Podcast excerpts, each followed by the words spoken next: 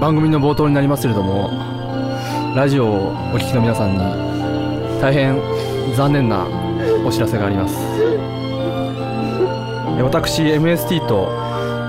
一緒にこれまでこの大塚ニューコーポでラジオをやってきてくれた福田福助君が先ほどその若い命を最後に亡くなりました、えー今回は福田福助君追悼企画と題しまして、えーこのお金をあげるから付き合ってください30分不覚の追悼企画として、えーお送りしたいと思いますえ今回はゲストに、えー生前仲の良かった田中贋作さんにもおいでいただいてます田中さんどうもえー今回僕の方としても大変残念なことになってしまいまして言葉が見つからないんですけれどももうまあまりにも突然のことでねあの全く驚いてると同時にねまだすぐそこにいるんじゃないかな呼べばすぐに来るんじゃないかなみたいなそんな気分ですまさかあのねあんなに元気だった福田が今この場にいないと思うともう言葉に詰まってしまうんですけれどもまな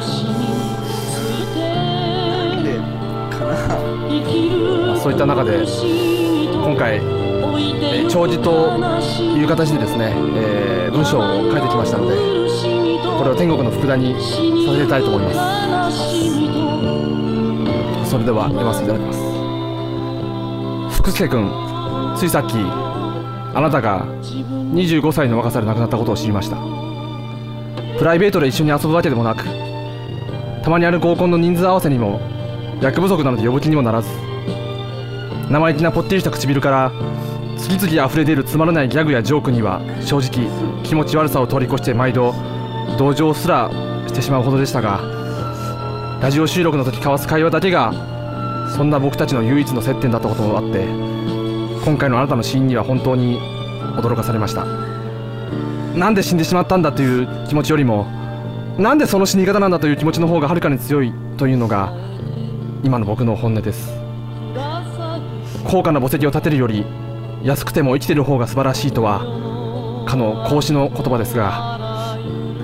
弔辞を読むのにもそろそろ飽きてきましたのでこの辺りで私 MST が魂を込めて歌わせていただきます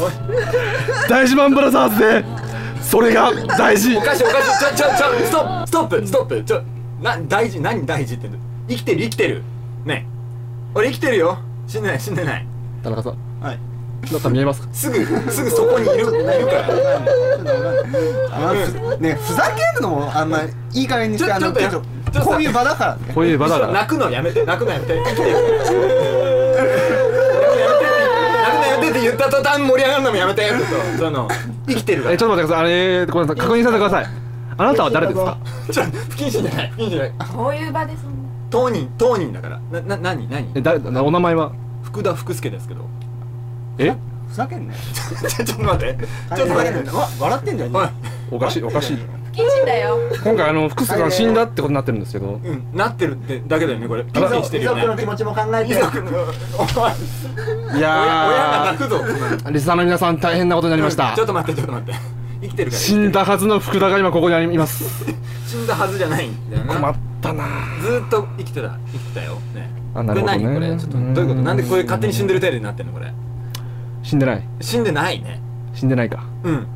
すごくいたすぐそこにいたよ、うんただまあ残念なことにですね今回あの福田福助さんに関しては、は死んでいるという体であのお送りさせてこれ完全に死んだことにっなってるよねまあ、進行もそういう進行も台本もねそういうふうになってますんであ作っちゃってる作っちゃってるまあ残念なんですけど今回死んでいるという体でお願いできますかいい やいやいや死んでるってではできないよね喋れないよねえあれだから死んでいるという流れこれで誰が間違えたのこれそもそもいや生きてるか何よ死んでるかは分かるよね田中さんわかりますわかんない。だって俺は死んだって言ったから、もうビャーンって来たんだよ。あれ、そうですよねあの田中さん飛飛んでんできたきましたねうん、これ一大事や。飛んでくる前に確認することがあると思うんだえまあちこょっれなんでみんとなこれ信じてるのこれねあのーこんな厳かな場でこんな大きな声を出すちょっと何言ってるかわかんないってですよいやねいう時点でもう僕は本当に憤りを隠せないんですよ厳かになるんだとしたら俺だろその対 象はその俺が言ってんだよ生きて今ます半笑いとかどうかと思う今ここで生きてますって言ってまあわかりましたそういうあのーあなたの言い分もちょっとばわからないではないので、はいはいとりあえず今回に限ってはですねあの死んでるということであの一つあお願いできます飲かまなきゃダメなんだねお願いできますうんねうん、お願いできますねじゃあちょもうじゃああの、まあ、今回はあのちょ空気飲まれる形ではあるんだけどちょっと、う「んさようなら福ちゃん」スペシャルということで、えーお送りしますう、んうんえー、じゃあオープニングの方、はいお願いできますか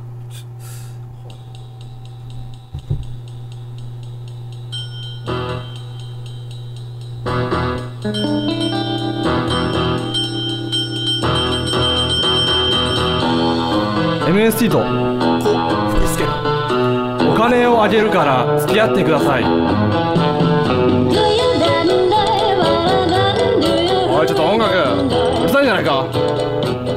人が一人死んでんだよなんだよこの明るい音楽は止めて止めて止めてちょっとこれさだ台本に書いてあるけおどかしいだろついつい自分でこうって言っちゃったけどさねおかしい自分でこう福助っておかしいでしょこれえーとどなたでしたっけいやいやちょちょおか 誰だか分かんなくなるのはおかしいよねこれえあこう福助でしょちあーょっとこうじゃねえよあのお亡くなりになった福田さんですね、なんか綺麗な明朝体で書いてあるからなんかスムーズにスって読んじゃったこう福助ってなんかおかしいあのちなみに福田さん今回死因の方は知らないよ死んでないんだから知らん知らないないあご存知ないない知らないよただこっちでもですねちょっとあの死因の方がちょっとどうもわからないっうんていんうこと突で、然のことだそれはそう、突然だからとかじゃなくてあまりの突然のことででなねいから分かんないんだよこれちょっと死因がわからないってことでちょっと今回あの死因を募集しましてです ねごえごめんごめんごめん募集って何はいんシーンを募集するまあラジオですので、あののやっぱりハガキとか募集するじゃないです ラかジオ。ですのでっていうまあこれラジオというその枠組みは非常に守りつつのことなんだねメディアを通してね、あー募集す福る田さんの死因を誰か教えてくれませんか と、まあ事前に呼びかけてあったので、はい えー、ちょっと今え回じごめんごめん事前に呼びかけてたのこれ何がですか？ いやシーンをでまあ死んだというところでね、あ死んだ時点でねえちょっとまあ死因がわからないっていうことだったんで、死んだという情報また時点でねおい不謹慎だろ笑うのは俺が死んだっていうことで笑うの不謹慎だろお前立場をわきまえろよお前 あ空気読んで右京でちょっと俺が一人死んでんだよえ誰がですか？俺がだろ死んでないんだよ本当はなんかみんなのさこのおせおせムード死ね死ねムードみたいなものに流されてさなんとなく死にかけてるよちょっと今気持ちの上ではでもちょっとこれ死因がはっきりしないことにはさ俺だえけえ気持ちよく死んだことになれないよ俺まあそういったわけで、うんあのー、死因の方もうちょっと募集かけてんだったらさ教えて何通か来てますんで、 あの紹介したいなと思います。なんで死んだか教えてほしいよこれえー、というわけで納得、できないえー、新コーナー「福田はなぜ死んだのかいやいやこのこのジングルもおかしいよね」えー、といったわけで残念ながらあの25歳の若さで亡くなった福田福助さんの死因の方、えー、なんつうかあの投稿が来てますので なんつうか証拠を紹介させていただきたいかなとなぜ死んだのかキャーはおかしいと思ったよなこれえー、というわけでまず1つ目、えーラジオネーム「こんな私が生きている」さんから の投稿です絶対面白がってるじゃんその人この間うまい棒のたこ焼き味でメタ刺しにされて死んでいる福田さんを見ましたひどいひどいひどいひどいよよでこれいつものだよね万引きを見つかった上めった刺しにされて死んでいたそのざまがあまりにも無様だったのでこの死に方をまずい棒と名付けたいと思います面白がってんじゃねえかよ名付けてんじゃねえ死因つうか名付けてんじゃんナイスシーンいやいやいやちょっとしナイスとかないからナイスシナーンイですスとかじゃないでしょうまいうまい棒でめった刺しってさこれたこ焼き味だからちょっと硬いからみたいなの伝わんないからね普通えー、まあどうどうですか田中さんこのシーン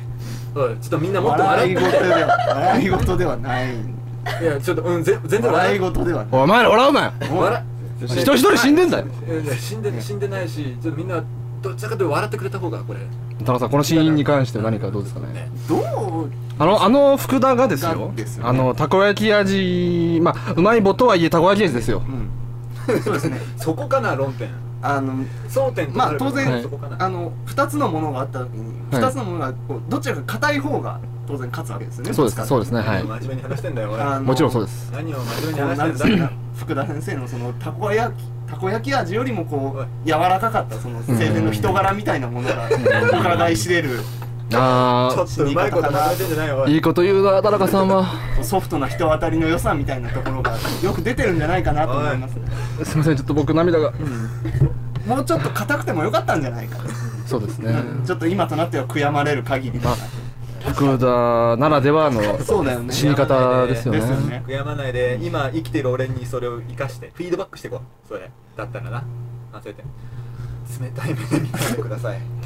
えーもう一つ来てますので、えーそちらも読ませていただきたいと思いますシーンがもう一個あるのがおかしいよえーこちらラジオネーム福田さんなんてもうさんからのお便りですもうお いペンネームで点々点よそうなんか読み残すえこの間イガグリを喉に詰まらせて死んでいる福田さんを見ましたのねどういうことなんで飲んじゃったのおとなしく「甘栗剥いちゃいました」を食べていれば死ななくて済んだことを考慮してこの死に方を「福田死んじゃいました」と名付けたいと思い ます名付けるなっつってねうまいこと言わなくていいのおい不謹慎だから笑ってんじゃ笑うなよねえよおいダメだよ俺が死んでんだよ笑わないでちょっと田中さんどうでしょう今回あのねイガグリを喉に詰まらせて死んでしまったという福田の死に方としてね焦焦ったんかなうん慌てたんかなどういうこと当てたのかなってなんだよただやっぱり「甘栗剥いちゃいました」を食べていればね、うんおとなしくそうなんだよねうんそういう気持ちあると思うんです、急がば回れっていうのはこういう時のためにある言葉なんだなと思うんだよねおそらく甘栗剥いちゃいましたを買う金おしさんもうになかったんでしょう俺の生き様じゃ ないその場に落ちているイガグリをねそうですねそのまま全食部の話じゃべないもんねてしまったんじゃないかなと思うんですけど青いやつだねまだね多分いや栗の話ね栗の話はそれ残念です死んで福た田がこんな死死に方をするなんて今となってはもう本当に慌てるなって言ってやりたいけどもその言葉も届かないんでたよ届かないです届かない届かないですね言えばすぐ届くよりいるから残念でもこの言葉のこの田中さんの言葉がな福田に届れてばなぜひ目を合わせて言ってほしい今となってはもうその場にその場に入れなかったことがもうすごく悔やまれるですよね僕も本当イガグリを持った福田を見た際にはやめろと慌てるなと持たない死ぬな福田とこれから先も持たねえよそう言ってやればよかったそう思います目を見て言ってくれよだったら今まあ、以上あの福田の死因についてね2通のあのお便りいただきましてあの大変ありがたいことでございます、なんで二節に真っ向から分かれてんだよシー ンがよまあ、こういった 福田のね死に方ではありましたけれども、我々この福田の、どっちかは決めないんだねまあ、教訓ではないですけれどもね余地を残した上での身をも見ちたろんいこれを受け止めて俺たちは乗り越えていかなきゃいけないそうなんですね福田の死をでも大変残念な死因ではありましたけれども、えー我々これからも福田の死をちゃんと受け止めていかなければな勝手に受け止めないでと思います勝手に受け止めないで出会ってもいないんだからえー続いてあのーまた問題になってくるのはですね、あのー福田の最後の言葉なんですねああなるほどね福田福助は最後に何を言ってうんこの世とお別れしたのかうんあまりにも突然だったからねやっぱり何か欲しいよねそうなんですよねそういうあの僕もあの友達としてねあの福田の最後何言ってくれたんだろうっていうのすごい気になるところだったんですまあたまたまその場に居合わせることはできなかったんですよねなのでちょっとあのこれもあの事前にですね死んだとあ思ってなのいしねラジオというメディアを通してですけれどもあの福田は最後何を言ったのか残さなきゃといけないねそうだねいうのを事前に募集してありますんでだからごめんごめんなんで事前に募集するんだよそれで逐一、最後の言葉だろえなんか言ったんでしょ俺は多分福田さん最後の言葉何だったんですかえーっとねえーっと知らねえよだから死んでないんだっ つってちょっとおかしいよおかしいよかや考えがおかしいんだよだからね、はい、といったわけであのね本人もわからないっていうことだったん でわかんないそれねじゃあ募集かけるしかない よねだからそこがおかしいのおかしいのまあだって募集って何ラジオだからああそっかそうせっかく僕らあのラジオのねあラジオなのねこれねレギュラーを持ってますんで、ええそうだリスナーの声が頼りはい、そうだよというわけであの事前に募集していた福瀬さんの最後の言葉、えーしご紹介させていただきたいと思います事前に福助最後の言葉だからさこれねこれがおかしいんだよこれがこの交換がいつもおかしいえーこのコーナーでは福助さんの福田福助君の最後の言葉皆さんからいただいたものをご紹介していただきたいいきたいいきたいいきたいいきたいいきたいいきたいと思います俺が俺が何かやったら笑ってほしいんだよなじゃあ福助さん、あのーはいそうですあるのねねねちょっといくつか来てますので、はいじゃあこの辺読んでいただいていいですか俺絶対言ってないと思うんだけどなちょちょっと言えばいいのにじゃあ福田福助さんの最後のお言葉です、はいじゃあちょっと行きたいと思いますこれだ誰誰さんからとかってなんかあるんですかねうんそれはもの書いてあるものを読んでいただいてるえっとじゃあ、えー、おしりーなさんからの投稿です。えー、言えばいいのかなそのまま。福助最後の言葉。早く言えよアナルかわいいね。それが福田の最後の言葉だったおかしいおかしいねこれねどんなどんな状況これはい可愛くはないよね可愛い可愛くないのジャッジメント下さないよねうーんまあそうですねどうですか高田さんこういう状況がね福田の最後の言葉がこれだったわけなんですけれどもあはの最後の言葉っていうのも人柄がこう、はね現れるもんいそうですじゃなねいです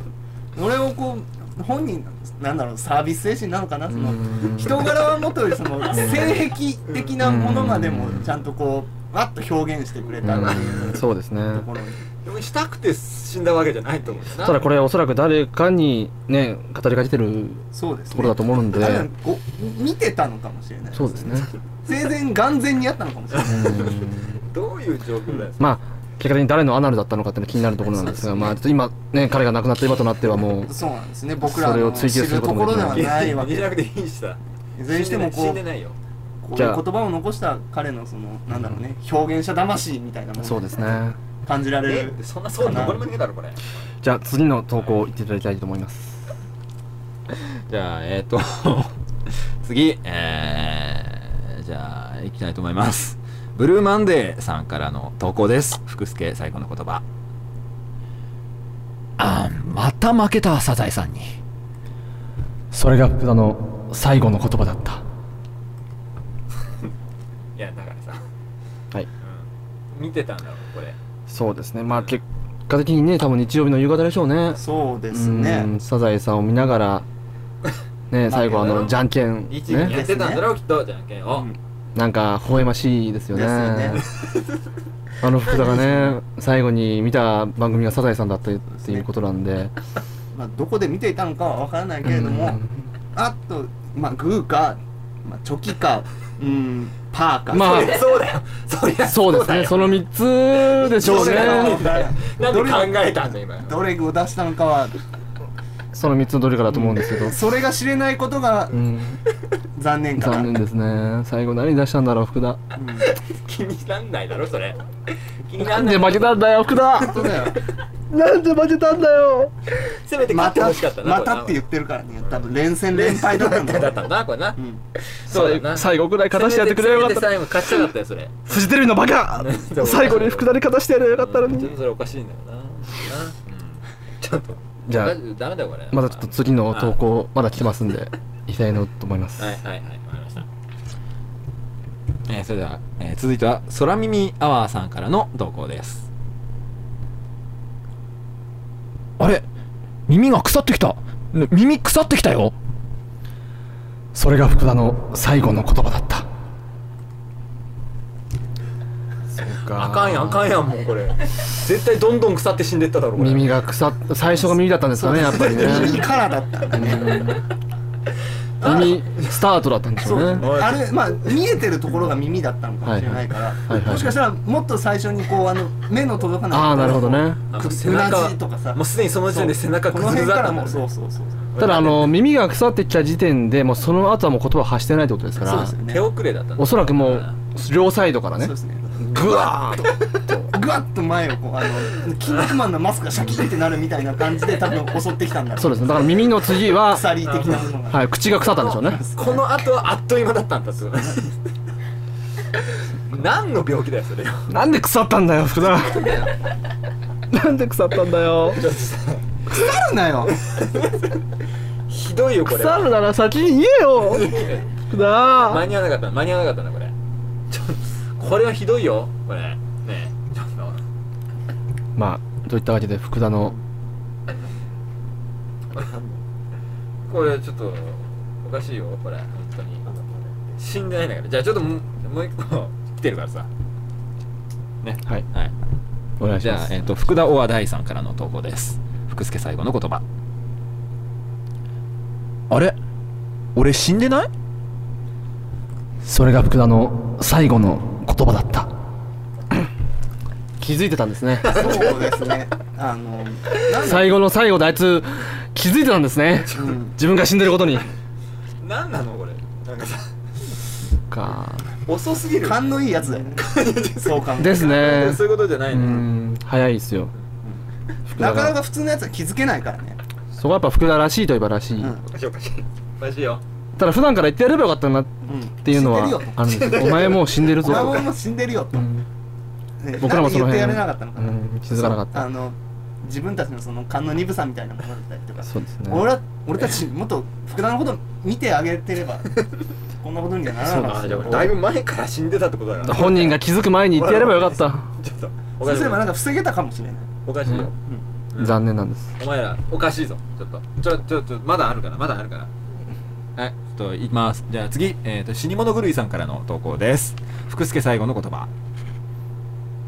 だからいっぺん死ぬ気でやんないとダメなんだってそれが福田の最後の言葉だったなるほどねこれあのある意味体現したということですかねそうですよね思ってない死ぬとは思ってない俺うんこうフォロミーみたいなこうあのジャンヌ・ダルク的な精神そうですね多分おそらくあの恋にしてる後輩うんののなんて言うんでしょうあの見本を見せるじゃないですけども、そうですねあうのん先輩とはこうであるべきだとそうそううんいう意味であの彼は死んだのかなっていう先輩の鏡ってことだよねっていう気がするまあでも複数あのね、まあ、これだけあのいいくつかの最後の言葉いくつかの最後の言葉いただいたわけなんですけれどもどれも印象深い印象深いですねあの福田そうかこんなこと言ったんだな福田福田聞こえてるか無理してる福田ありがとうおい最後にこんな言葉残してくれてじゃなくこっちに向かって俺たち忘れないうん忘れ伝わったぞ福田うん死ん聞でいてるか福田死んでるってこと届いたよ死んでってこと届いてるよ忘れ忘れてねちょっとありがとうやめようこれねちょっと死んでってことは忘れえてー、まあといったわけです生ねきてる俺と向き合ってね福田の最後の言葉もこういうことについて分かったので全然分かってない最後まあこうやってまああの福田五さ本のん指じゃ収まってないけど福田さんさというわけで福田さん死んだわけなんでいや死んでるってことになってるねこれねあのー、僕らこんだけあのはいすごくねうん哀悼の意を表 して30分間あ福田さんのためにーうん今回お送りしましたなんかそうだねすごいそんな感じになってたね福田さんありがとうという気持ちを僕らはこうやって伝えたわけですけれども、はいそれに対して福田さんどう思ってるのかなって僕た ち今すごい知りたいなえ確かにねえ答えなきゃダメなのこれやっぱコールレスポンスだよそうだよね答えなきゃダメ答えてほしいと思うんです死んでないのにやそして死んでる体なのに答えるのこれまあ死んでますんで、うんまあ我々なんて言ったらいいのかな、まあ、僕がさっき弔辞読んだじゃないですか最初にね、はいは冒頭にね、まあ、それに対するアンサーという意味では当時ですか卒業式だよね当時はいただきたいあぜひいただきたい初でしょこれそうなんか卒業式でじゃないと俺たち福田君のことを最後まで忘れられないからなんで忘れ だから忘れないでまだ忘れないで本当に福田君にお別れできないですそうしないとねはいちょじゃあちょっと長辞に対して対する当時当時ですね当時じゃあうんうんえー 初めての試みだよね番組の最後に、はいえー福田福助当人から我々に対する最後の言葉といいますか当時をいただくことになりましたうん福田さこんなんつもりじゃないから何も用意してないんだけどよろしくお願いしますこれ読めばいいのこれ読めばいいのねまあこれ読めばいいのっていうかまあ福田さんが思ってることをこれ何もいただければ何も書いてないタモリーじゃないからさ白紙読ませるのやめてくれ笑って本当におい不謹慎だ ぞ死んでる当人がこれから喋るんだよ笑うとこじゃねえよはいあのちょはいもし調子でえー、皆さん今日は私の死を悼むためにわざわざお集まりいただきお足元の悪い中ありがとうございました福田本当は死んでいませんが皆さんに死んだような扱いを受けているうちに福田ありがとう自分は本当に生きているのだろうかこれで生きていると言えるのだろうか体は生きているつもりでも心はもう死んでいるのではないかそうだよみんなの心の中でも死んでるんじゃねえか俺はそかもしれないう思うようになりましたそうかもしれ当なたいってる当たってるかもしれない今はすっかり、えー自分で自分の藻に服したい気持ちでいっぱいですどうも生まれてすみませんでしたとそうだよでも信じてくださいこう見えて本当に死んでないんです部屋の前に森塩を盛るのはやめてください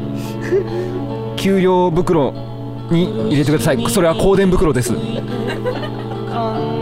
俺が生きているという体でこれからも皆さん僕と付き合っていただけたら本当に幸いだと思ってます生きてますこう見えても俺生きてるんでよろしくよろしくお願いしますちょっと死んでないんで本当にこれからも生きさせてくださいこれは死んでるいやちょっと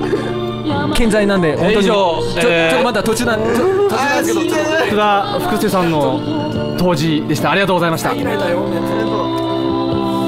といったわけでまあ福田さんはこうやって亡くなりましたけれども来週以降もこの MST の、えーお金をあげるから付き合ってください、いるからえー続いていきたいと思いますんで、じゃあ子じゃねえよだからまあ、今後もですね、えー福田君はなぜ死んだのか、えー福田君の最後の言葉と、えーまあ、バリ雑言のコーナーとともにですねそういったまあ長寿的なコーナーもちょっと敵なんてやめてはっきり長えー寿ぜひいただければいいかなと思います。もう募集するのこれいやどうも皆さんあのお集まりいただきましてありがとうございました。今日だけじゃない福田は今でも僕らの心の中に位置づけてると思います。外にも生きてるよみんなの体の外にも生きてるよこうやって忘れないよ。忘れないうんじゃあでもいや帰んないでさよなら福田。ちょっと待ってそしてありがといや帰んないで帰んないでちょっと三三五五流れ解散う。それでは皆さん最後に例の言葉でお別れにしたいと思います。俺も言っていいのこれえーそれでは皆さん来週もまた生きてますように。来てると思うんだけどなあるのなら